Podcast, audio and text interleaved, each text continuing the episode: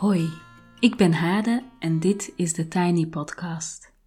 Vandaag is het maandag 4 oktober 2021, Dierendag, en vandaag checken we in. Dat doen we elke week op maandag en dat gaat als volgt. Ik stel je twee vragen en daarna ben ik een volle minuut stil. Tijdens die stilte kan je even nadenken over die vragen. Ehm, je kan de podcast ook op pauze zetten en schrijvend inchecken. Of je kan ook even inchecken met een vriend, eh, een vriendin, partner, kind aan de hand van de vragen. En daar heb ik dan zo'n idyllisch beeld bij dat je lekker staat te koken en je partner komt dan thuis en je drinkt dan een glaasje wijn en je checkt dan even met elkaar in. Ehm, nou, als je het zo idyllisch aanpakt, stuur mij dan vooral een foto. Uh, uh, en dat kan je doen door um, mij te taggen bijvoorbeeld op social media, als je zo'n foto deelt, bijvoorbeeld in je stories, want dan wil ik dat natuurlijk ook heel graag zien. Um, voilà. Het kan ook heel idyllisch zijn als je op een leuk plekje aan het schrijven bent of weet ik veel wat, lekker buiten, uh, om het even waar. Na de stille minuut, dus ik ga uh, eerst de vragen geven, dan een minuut stil zijn en daarna check ik zelf even in bij jullie. Um, en dan antwoord ik dus voor mezelf ook op die vragen. Voilà, daar gaan we. De eerste vraag is: wat heb je altijd bij in je tas en wat zegt dat over je?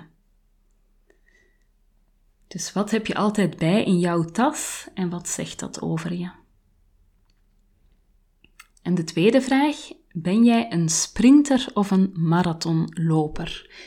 Uh, ook als je helemaal niet aan hardlopen doet, zoals ik, uh, uh, kan je deze vraag beantwoorden, hè, dan, dan vat je het symbolisch op. Ben je iemand die uh, vooral goed functioneert als je heel snel uh, moet handelen?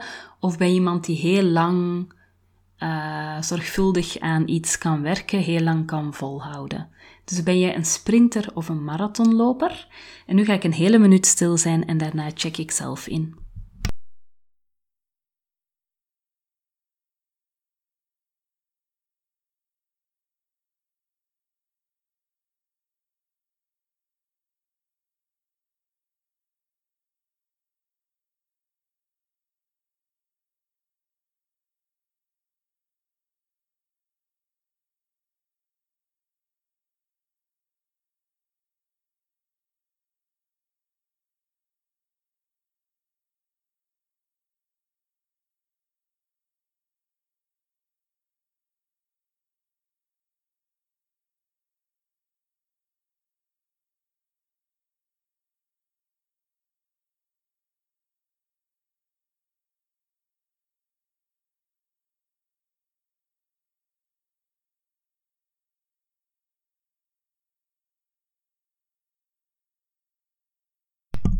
Voilà, ik ga zelf even inchecken.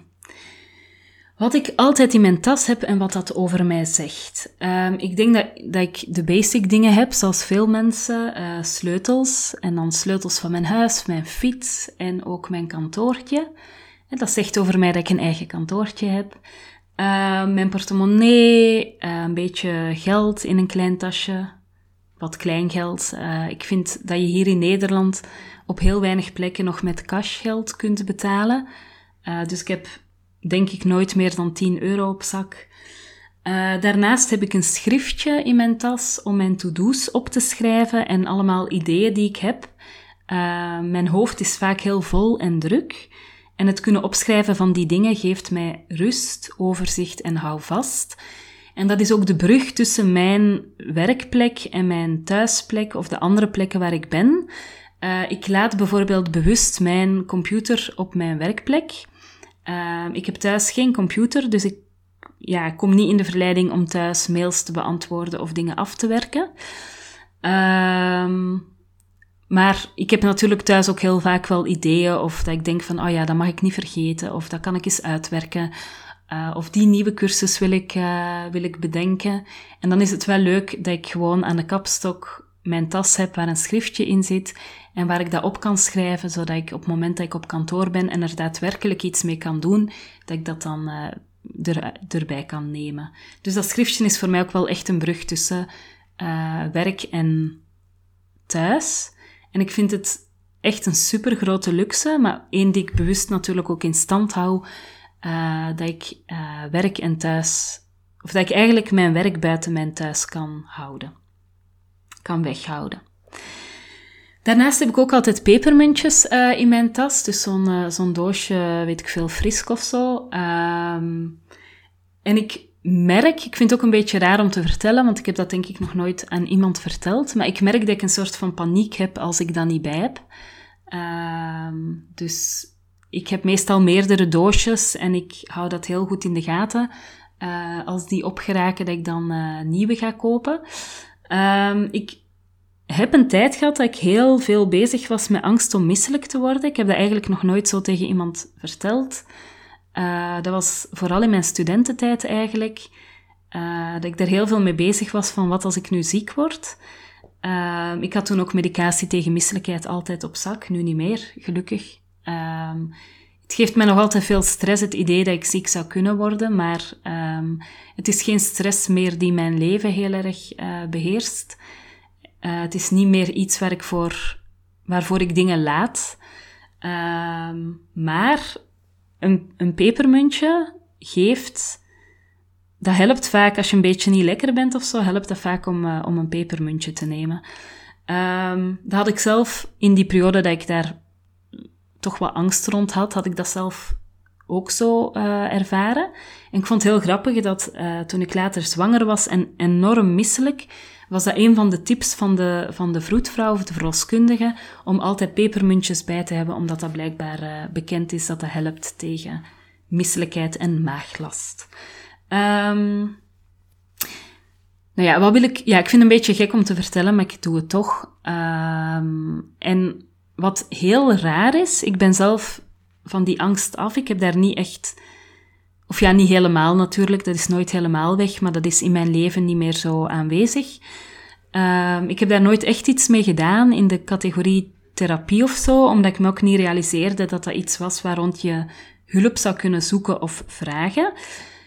Um, maar het heel vreemde is dat mijn zoon van acht, dat ik merk dat hij dat ook heeft. Um, en dan merk ik, omdat ik dat zelf heb gehad, zie ik dat hij bepaalde dingen, of dat hij gestrest reageert op bepaalde dingen, en dat hij bepaalde dingen vermijdt uit angst om misselijk te worden. En ik vind dat heel gek uh, dat hij dat dus, of dat ik merk aan hem dat hij dat ook heeft. Um, en ik denk dat ik misschien voor hem daarin wel wat stappen zou moeten zetten met hem, uh, want ik gun hem toe dat hij niet stress of angst ervaart maar zich gewoon kan, uh, kan ontspannen. Als er iemand is die daar trouwens uh, iets van inzicht in heeft, ook waarom dat mijn zoon dat dan blijkbaar ook out of the blue heeft, uh, ik ben heel benieuwd naar eventuele verklaringen. Nou wat ik verder altijd bij heb in mijn tas, ik denk dat dat ook vrij normaal is, een telefoon, deo heb ik ook bij en nog een paar dingen die te maken hebben met prikkelgevoeligheid. Ik heb bijvoorbeeld um, uh, maillot of nylon kousen. Ik neem even Nederlandse en Vlaamse uh, woordvariant. Ik word gek als er een gat zit in mijn kousen. Ik kan totaal niet tegen dat gevoel, zeker niet als het bij mijn tenen is, of het ergste onderaan mijn voet. Uh, dus als ik dat voor heb, dan vind ik het heel fijn dat er in mijn tas een paar intacte kousen zit die ik ook even kan wisselen. Uh, bijvoorbeeld op het werk um, of bij een toilet of zo. En wat ik ook bij heb, uh, zijn oordopjes, omdat ik heel prikkelgevoelig ben en ik vind het fijn dat ik mij kan afsluiten van geluiden. Voilà, dus uh, wat ik bij heb, zegt denk ik vooral over mij dat ik uh, nog een beetje oude angst rond misselijkheid meesleep. Um, en vooral dat ik prikkelgevoelig ben. De tweede vraag, of ik een, een sprinter ben of een marathonloper. Ik denk vaak dat ik een sprinter ben die een marathon aan het lopen is.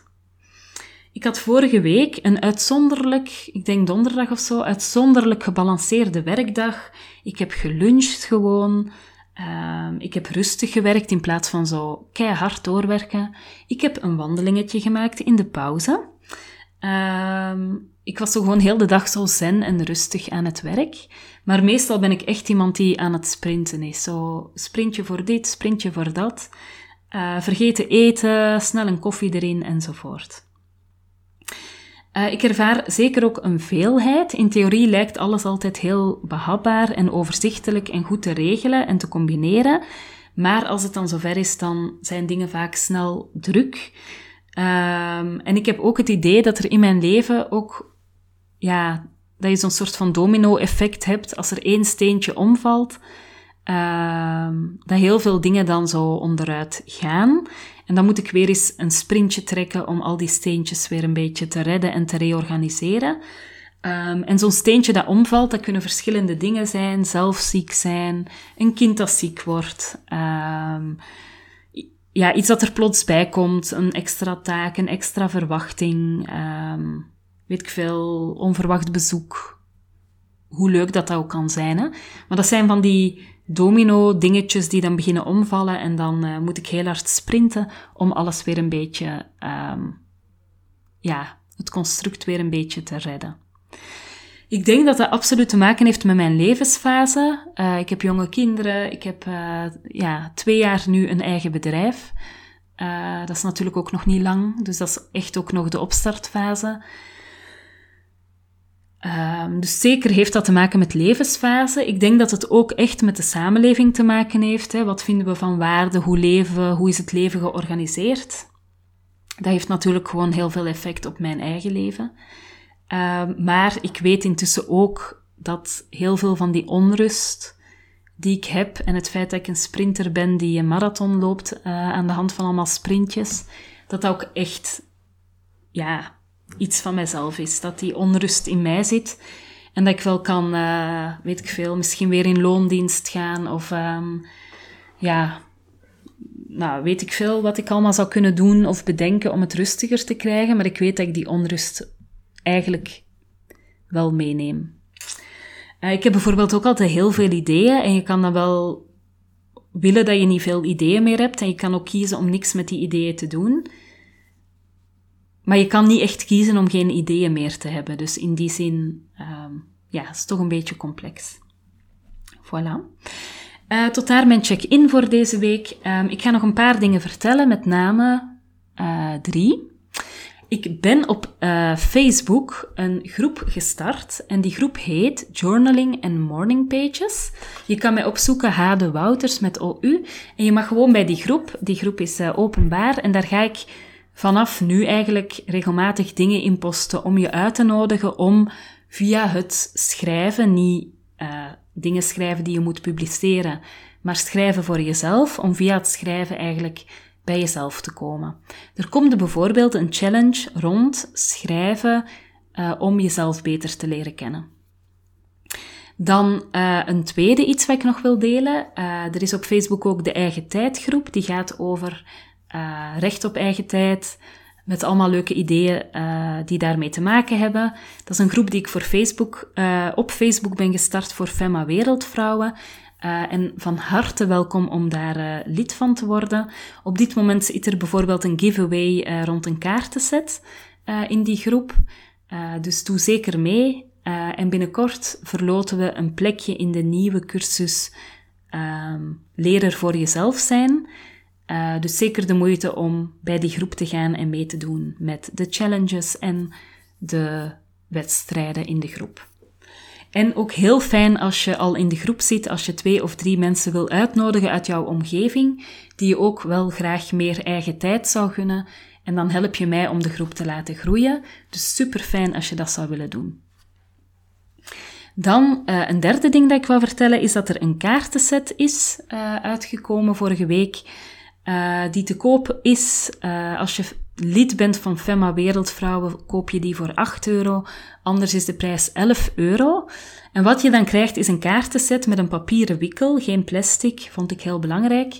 Uh, een kaartenset met vijf kaarten om tijd te vragen en vijf kaarten om tijd te geven aan iemand die tijd zou kunnen gebruiken voor zichzelf, om beter voor zichzelf te zorgen. Um, ik ga het linkje in de show notes zetten en ik zou het super fijn vinden uh, als je zo'n kaartensetje bestelt.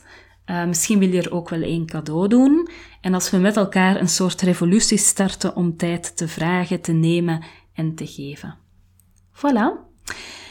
Tot zover voor vandaag. Uh, je kan me volgen op Instagram, uh, TheTinyPodcast, maar ook hade uh, underscore Wouters kan je volgen. Als je abonneert via bijvoorbeeld Google of Apple Podcast in Spotify of in je favoriete podcast-app, dan krijg je telkens de nieuwste aflevering van deze podcast in je overzicht. En we gaan echt terug naar elke weekdag.